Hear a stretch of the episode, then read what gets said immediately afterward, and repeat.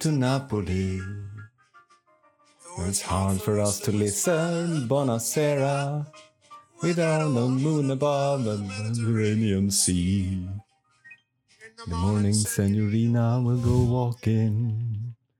Buonasera, Ellen Buonasera. Theander. Buonasera Kim Eklöf.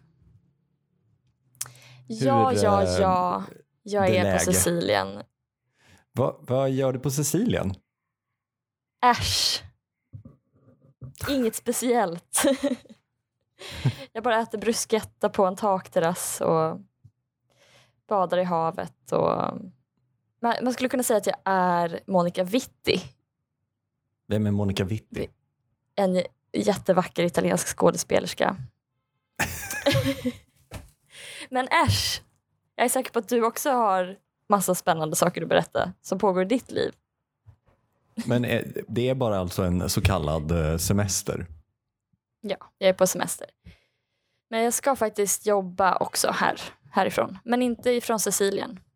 Och då, då är det den här, eh, alltså är det forskningen du ska jobba med då? Jag ska skriva en forskningsartikel. Så du är i Italien och forskar lite? Ja, jag forskar lite. Ja. Just världsmedborgare things. Vad gör du då? Eh, ja, nej men jag har väl i princip, eh, det är nästan samma liv vi lever just nu. Jag har Ja. eh, precis kommit upp från eh, föreningens hobbyrum efter att ha tillbringat hela dagen där. Hoppade upp i sängen halv tio och skrek jag har försovit mig.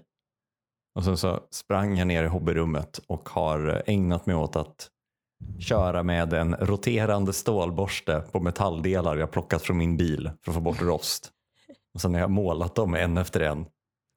Ja, Och sen har jag kommit upp då och då för att byta munskydd, spola av mig den värsta smutsen och sen gå ner igen i gruvan. ja. Medan Linnea har ägnat sig åt att dö i barnsäng flera gånger här uppe. Är inte det när man föder barn? Jo, och, och dör. Men Man, man föder barn och dör, ja.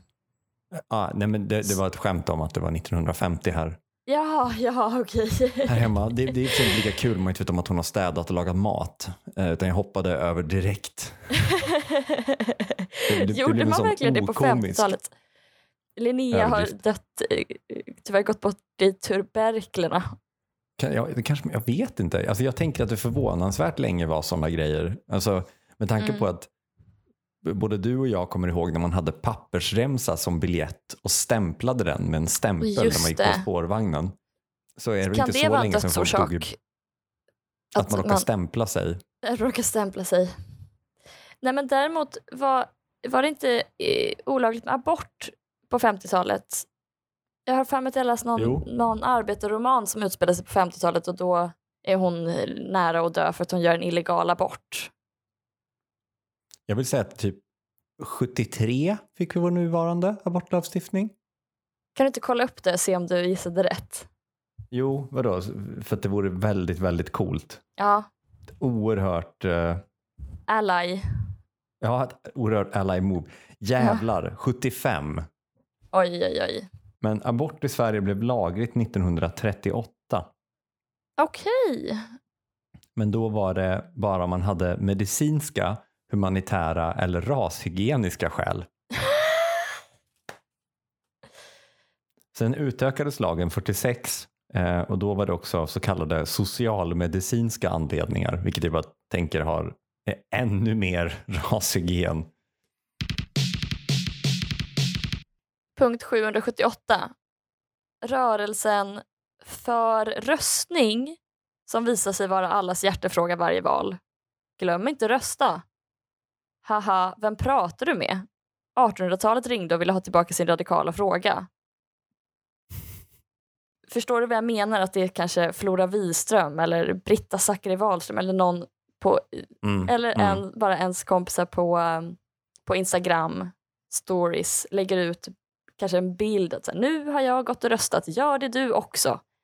Man kan Mm. förtidsrösta och så vidare. och så vidare. Mm. Och jag tänker att det är bara att man har importerat från USA en fråga som absolut inte har någon som helst relevans i Sverige för att det är redan jättehögt valdeltagande mm. i Sverige.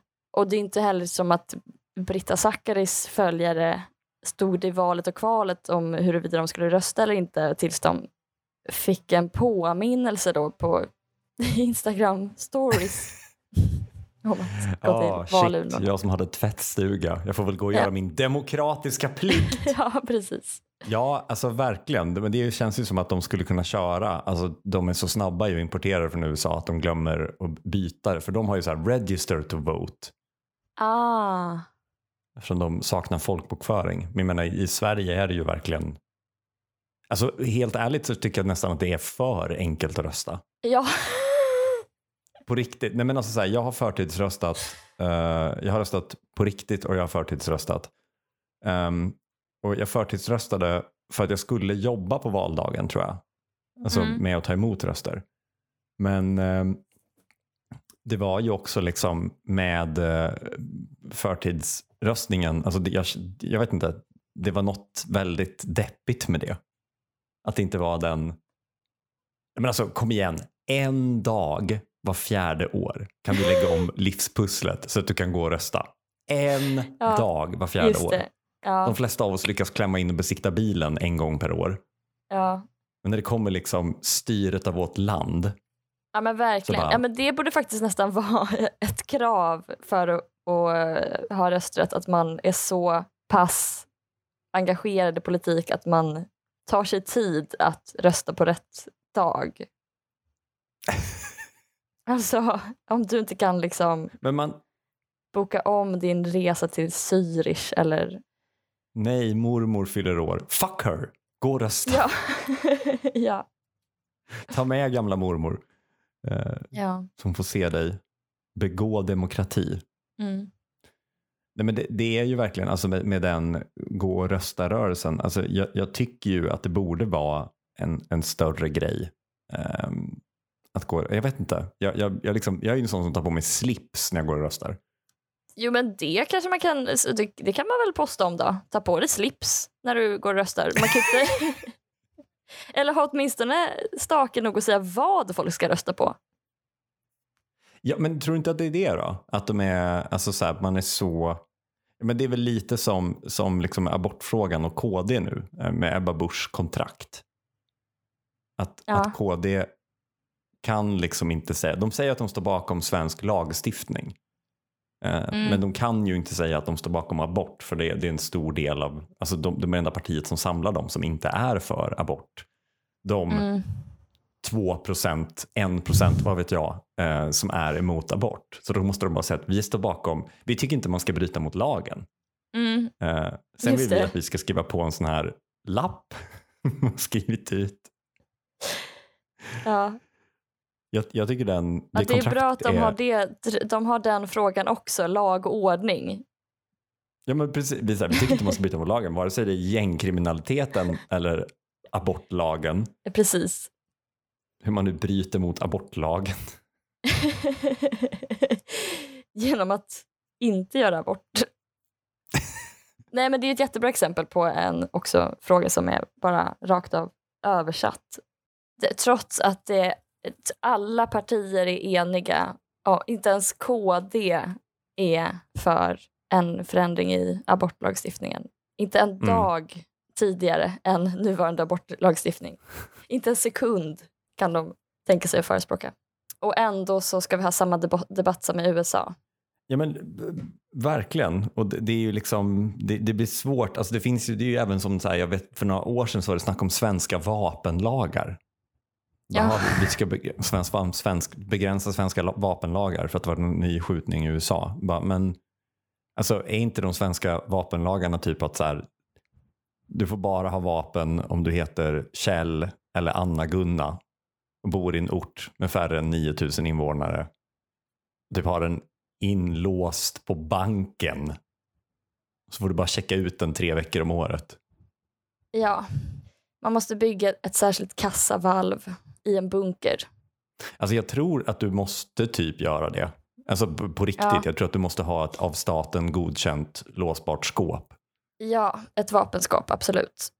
Ehm, Men jag, jag tänkte bara två, två grejer som, för nu när jag har jobbat så mycket eh, med händerna, med bildelar, så är man väldigt skitig om händerna ofta. Mm. Och då kan man inte byta podd utan då spelar um, poddspelaren bara fortsätter vilket gör att jag har exponerats för så mycket intressant kultur jag aldrig hade tagit del av annars. Okej. Ehm, bland annat då gamla typ Nordegren och Epstein om svenska bortlag. Jaha. Och då lärde jag mig två intressanta saker. Mm. Man säger ju ofta att abortlagen är, är liksom etiskt kopplad, alltså medicinetiskt kopplad. När räknas fostrets liv som ett eget liv? Eh, Och i Mm. Sverige så är det satt vid den gräns där om du skulle liksom plocka ut fostret eh, ur kvinnan skulle det kunna överleva själv. Alltså då med jättemycket medicinsk hjälp men ändå liksom teoretiskt sett skulle det kunna leva själv. För om det kan leva själv så räknas det som att det har eh, ett eget liv. Liksom. Okay. Ehm, så det är då vecka 21 tror jag. Eh, 18 är väl självklara men vecka 21 tror jag att det liksom inte är några större svårigheter att få. Och sen efter det, nu, nu, är, jag, nu är jag ute på väldigt djupt vatten, men jag, jag tror att med typ extrema skäl, vecka 23. Jag vet inte. Um, men det här flyttas tydligen då hela tiden bakåt av att vi gör utveckling i, i liksom sjukvården.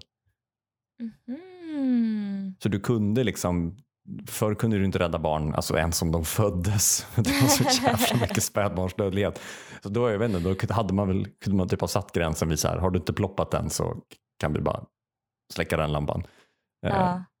Men, eh, men nu är diskussionen om att bara sätta den gränsen där den är idag, alltså typ 21, mellan 18 och 21 veckor. Eh, För att det går inte att koppla längre till fostrets chans att överleva. Som snart så kan foster överleva mycket, mycket tidigare. Just det, precis. Och då tycker jag, jag vet inte, det, jag tycker det glädjer mig så mycket för jag, jag är ju på den, i den etiska debatten, kvinnans rätt, fostrets rätt. Så, så är min personliga åsikt att vi kan ju hitta på en egen grej för att motparten här kan inte säga så mycket. Nej, Det är ju en av de få ehm, politiska beslut där vi, vi, vi har ju en motpart som drabbas negativt, i det här fallet då fostret. Men det är en sån himla liten väljargrupp. Alltså om jag var ett foster och någon kom och pratade om att det skulle bli lättare att- döda mig så skulle jag ju Ja. engagera mig politiskt absolut. och, och, och liksom driva mina egna rättigheter. Men nu, nu gör ju inte de det och de röstar ju inte i någon större utsträckning. Det är, det. det är en väldigt Det- marginaliserad grupp. Eh, oerhört marginaliserad grupp eh, som ingen har någon större sympatier med heller. Liksom. Det är ju inte, Nej, vi pratar ju inte om renskötsel här liksom, utan vi, vi pratar ju om, om eh, ett foster. Så jag, jag bara tyckte att det, det var spännande då med det här förslaget till en lagförändring som egentligen bara sätter en tidsgräns utan koppling till fostrets chans att överleva. Så ja. att vi har haft den här, gnuggat pannan och svettats och gråtit och kollat på bilder på foster som ska vi rädda det här eller inte? Liksom? Och så har man gjort någon slags etisk kullerbytta om att, att ja, men vi sätter gränsen där, där fostret eh, ändå har en chans att överleva för då är det ett eget liv. Jada Mm. jada. Och sen så sätter man sig ner och bara nu kan fostret leva jättelänge. Det är ju dumt. Tänk om fostret kan leva så pass länge att, vi, att kvinnan inte hinner upptäcka att hon är gravid Mm, och då liksom missar att göra en abort. mm. Så då bestämmer man sig bara, nej men då, då dog de.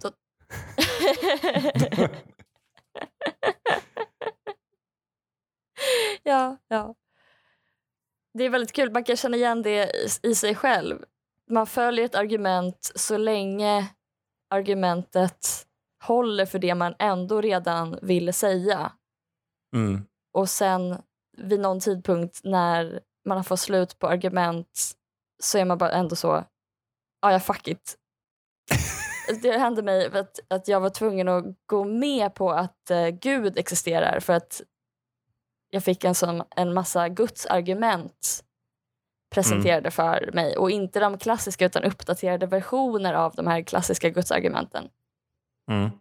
Ett argument var det finns för få elementarpartiklar i universum för att det ska vara sannolikt att liv ska ha uppstått.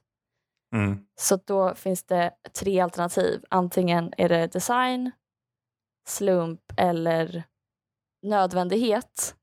Mm.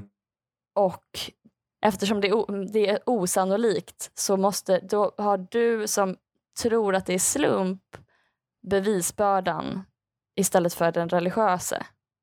Mm. Men då kom, det, då kom det till en tidpunkt i argumentationen där jag bara var så här, ah, fuck it, ah, men då är jag väl vidskeplig då.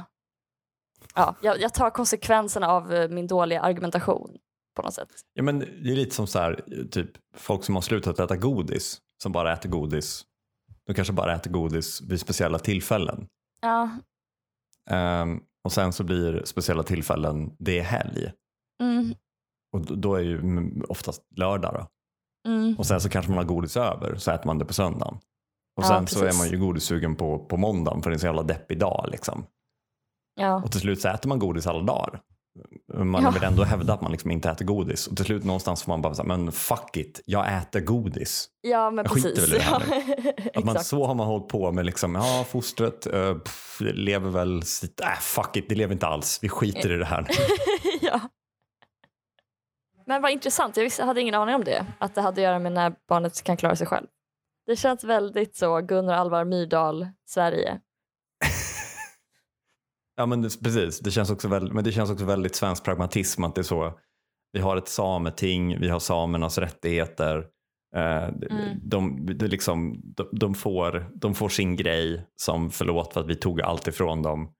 Och, och Mm. liksom, så här, Svenska kyrkan har sådana eh, gudstjänster där man ber om ursäkt. Staten skriver vitbok. Sen kommer Mm. det ett brittiskt företag och vill bygga en gruva och vi bara, det, det, fuck it. Och få bygga en gruva. Det var också väldigt kul i, i Godmorgon världen i morse när Magdalena Andersson blev intervjuad. Hörde du det? Ja. Jag låg på stranden och skrek jävla syltrygg, dra åt helvete. när hon skulle svara på det här med kurdiska, inte PKK utan YPG eller vad heter de? ja. Och huruvida de är frihetskämpar. Hon vågade inte kalla dem för frihetskämpar. Mm. Men då upprepade hon kanske fyra gånger att i Sverige gäller svensk lagstiftning. Det var ju ändå ett och, eh, bold att vi, statement. vi följer internationell rätt.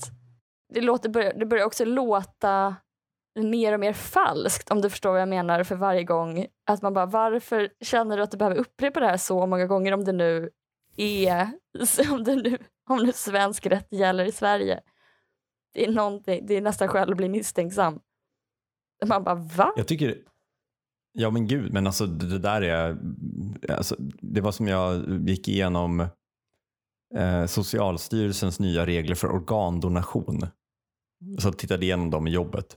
Mm. Ehm, och de är, alltså så här, de är nationella eh, regler det, det, och de är jättebra för att de har ett väldigt stort fokus på att liksom rädda organ. Ifall det är någon som alltså det är någon man vet kommer dö så kan man med de nya reglerna sätta in behandling för att rädda organ hos den personen. Mm.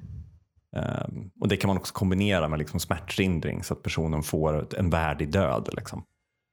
Ehm, men i den, i den liksom presentationsfilmen som jag gick igenom så sa de flera gånger att så här, vi vill understryka att sjukvårdens absolut första prioritet är ju att liksom minska lidande och rädda livet på folk.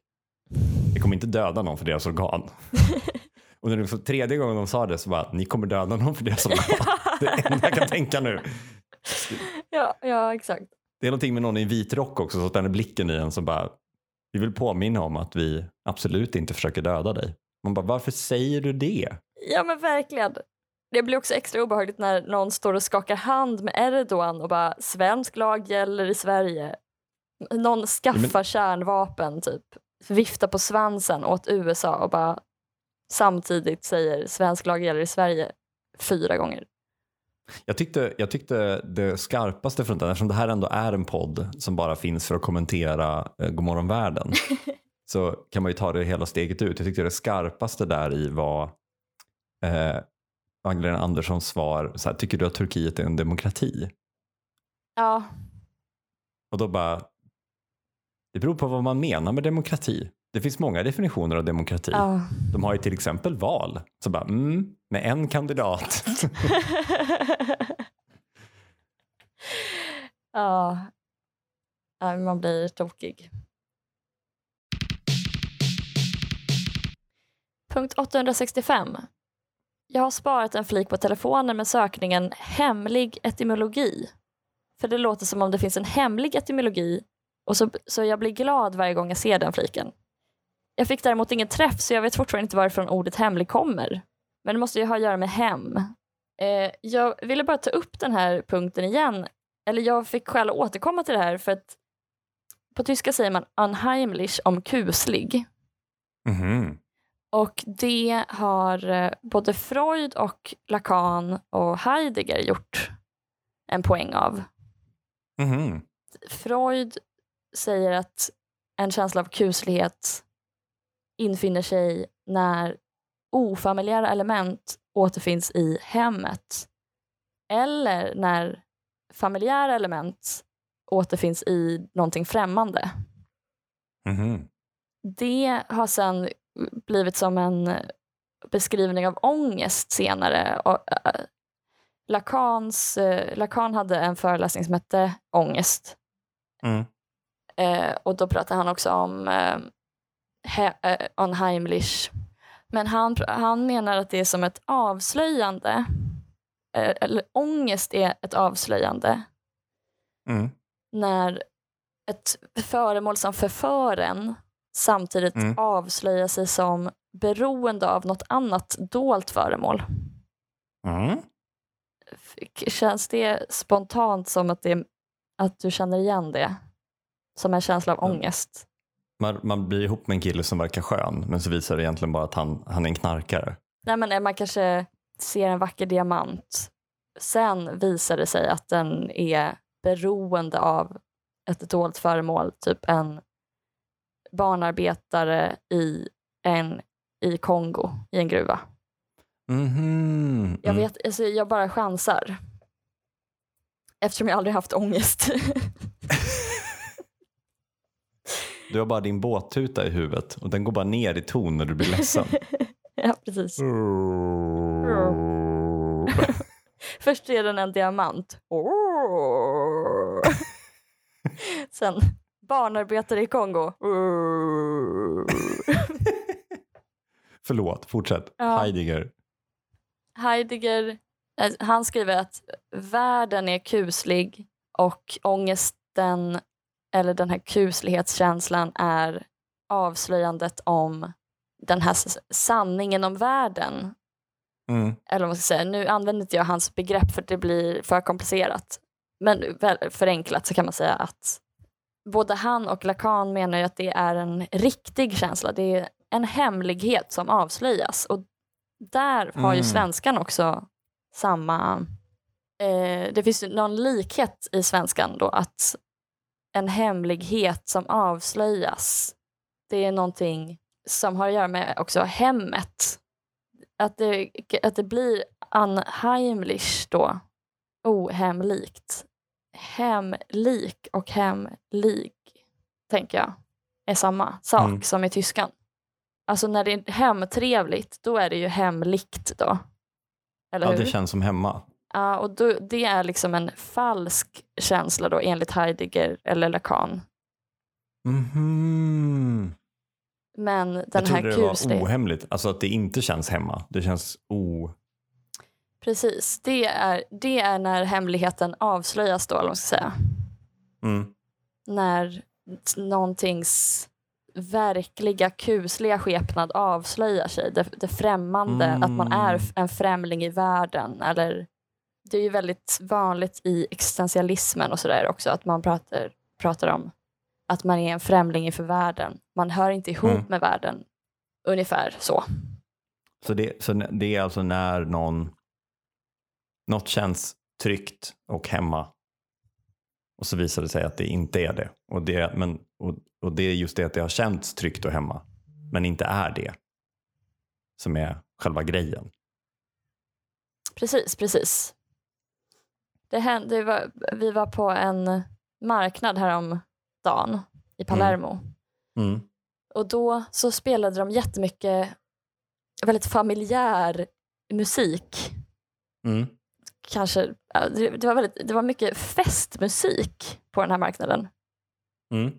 Och sen, men sen var det så otroligt kusligt för att det var så totalt utslagna fattiga människor och dårar som var på den här marknaden.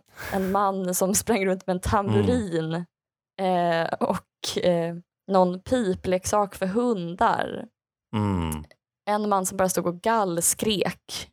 Eh, folk Mm. som ryckte i en. Och, eh, en katt med skabb går förbi. En man utan tänder ler. Och, och då, då, då får man ju en kuslig känsla. Och också mycket tror jag för att den här musiken, man, liksom, det är så familjärt men det är också ett familjärt element i någonting främmande. Mm. Musiken då- är så glad blir- och pepp. Då blir musiken kuslig istället för festlig. Mm. Och det vet jag att du har en anteckning om också, att det är ett sånt grepp i film att man, man sätter, det förstärker en kuslighetseffekt att man sätter på någon sån trallvänlig 50-talsslager Mm. till ett, en eh, närbild på eh, ett lik med flugor i ansiktet eller någonting sånt. Det var bara en observation. Jag tyckte det var lite lustigt att jag hade skrivit en punkt om det och sen läste jag om exakt det. Men sen också med marknaden. Fy Fan vad obehagligt. Ja men eller hur? Att det är något sånt i bakgrunden bara We're gonna stay up all night da, da, da, och så springer Ja. det runt någon och liksom dreglar. Ja, exakt. Everybody party Ja, de now. Och så står de och vrålar. Rihanna.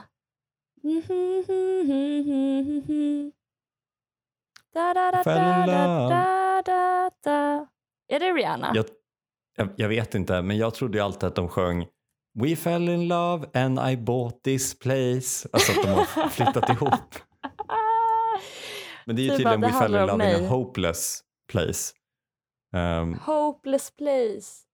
ja, Ja, det passade i och för sig bra till den här marknaden jag gick verkligen innan och bara and I bought this place. Bara, fan vad trevligt med en Ja. bostadsrätt. ja, lyckligt slut. För en gångs skull. För en gångs skull en låt man kan relatera till. I bakgrunden ser man hur boräntorna stiger. Tänk inte på det. We fell in love and I bought this place. Punkt 350. En kompis jobbar med tågröster. Det är lite coolt. Alltså han, han gör sådana dataröster som pratar på tåg. Mm. Här, nästa, Slussen.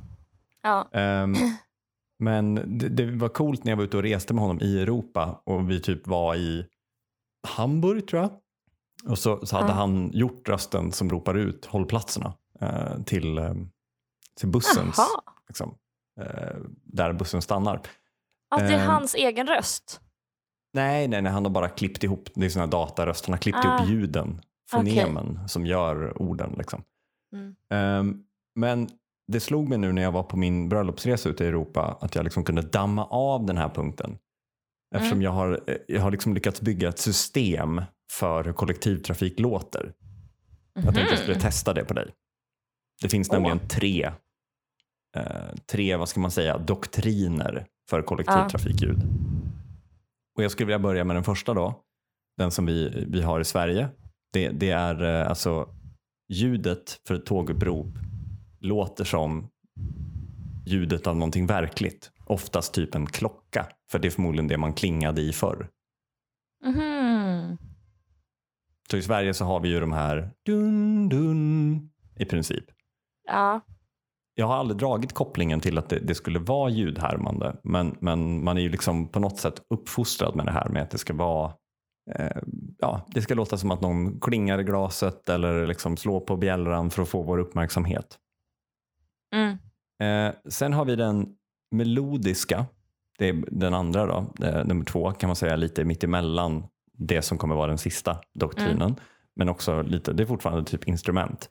Och den är framför allt då i, i Japan använder man den här typen av, av sätt. Mm. Eh, vi ska se här. varje typ station i Japan har en egen liten melodi som spelas innan som en kompositör har skrivit när tåget kommer fram. Oj!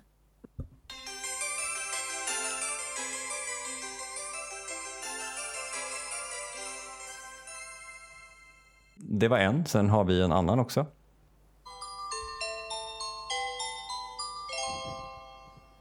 Och de kan vara långa, de kan vara korta, men de är liksom en, vad ska man säga, det är en låt helt enkelt.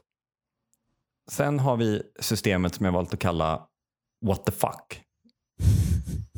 Eller egentligen, och, det skulle jag vilja säga någonstans är det jag gillar minst, men också någonstans det ärligaste.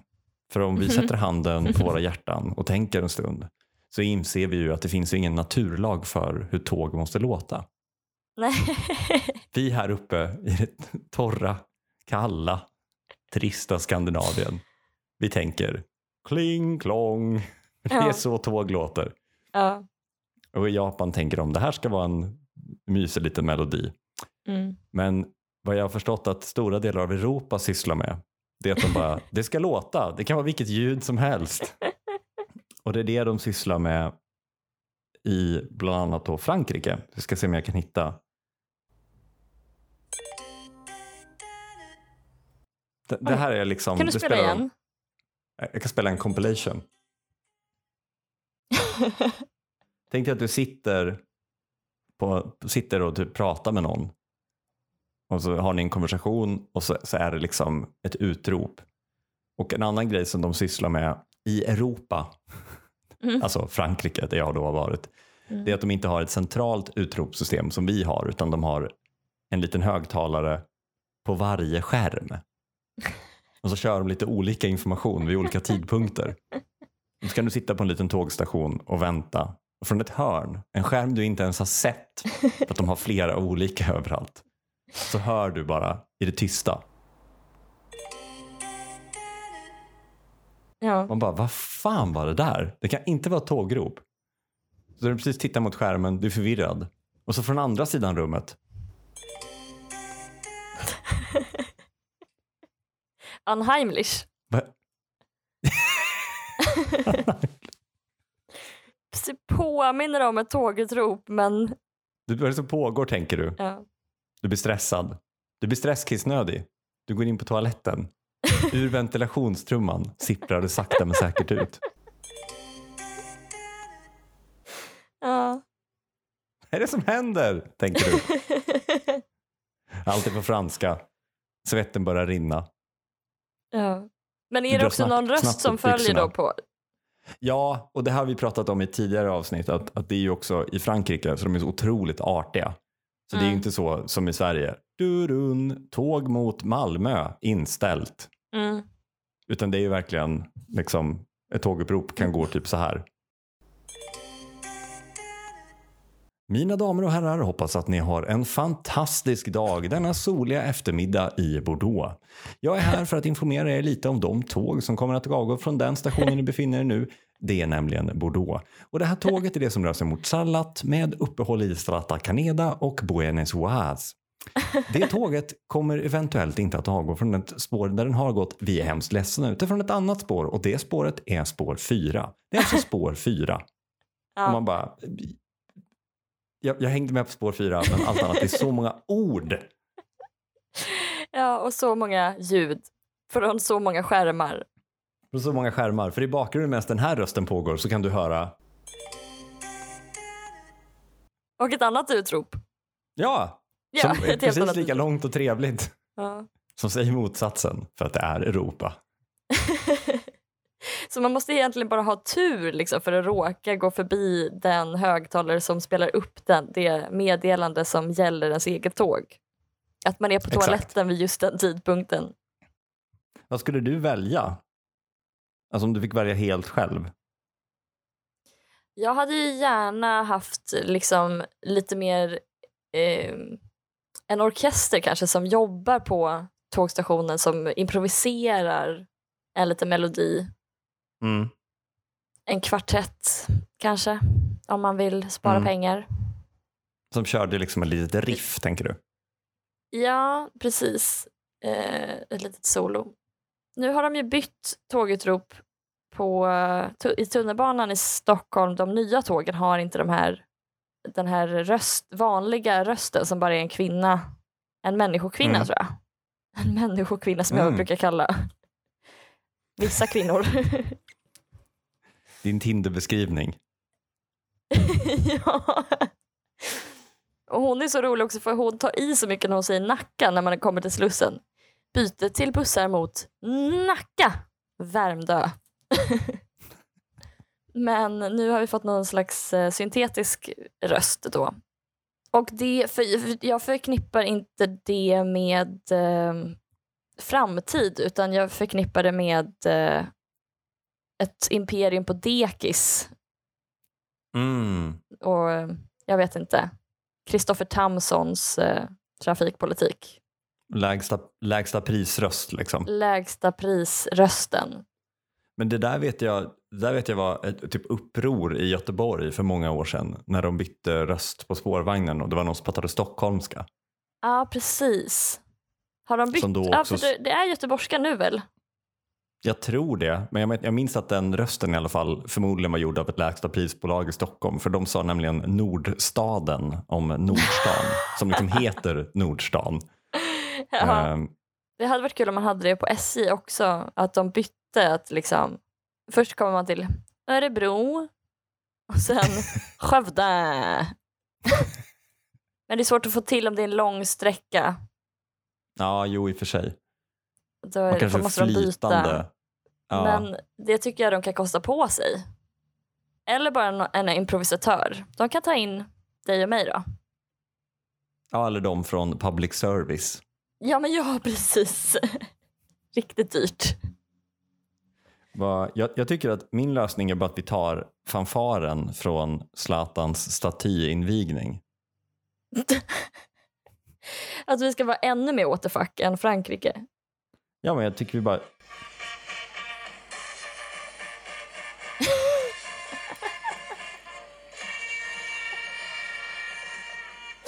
Ja.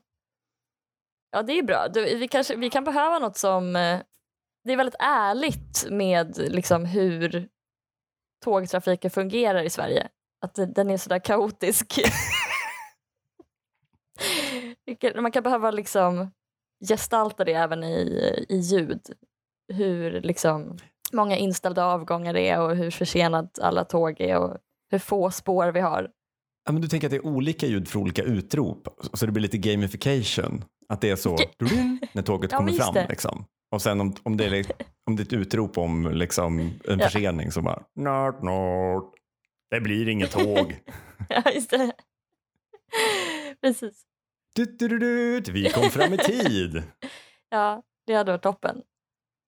Och det är därför jag vill ha också en orkester som kan improvisera. Så att det är beroende på stämning så kan de ta in, de kan ta in atmosfären Mm, där i ja. väntsalen. Jag tror att det är sådana saker som behövs, förutom spår kanske möjligtvis. Tågen måste konkurrera med komfort och lyx och flärd.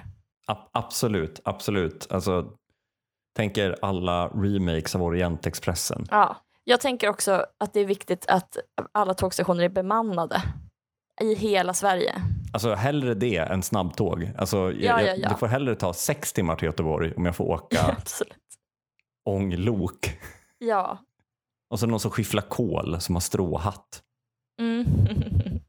Och så finns det opium. Nej, men Tack för den här veckan Kim Eklöf. tack för den här veckan Ellen Theander. Vi kommer ut på tisdagar klockan sex på morgonen. Lagom till morgonlöprundan. Vi hörs nästa vecka. Hej då! Bella, Sella, Luna, Brille, Strette, Strette, Como, Butto, Bella, Fastella. Tottocella de Roma. Så tänker du den här musiken och så ser en massa lik som ligger på gatorna. ja, precis. Pre- Exakt så är det i eh, Palermo. Nej men titta, där ligger en föräldralös unge. two by two On an evening in Roma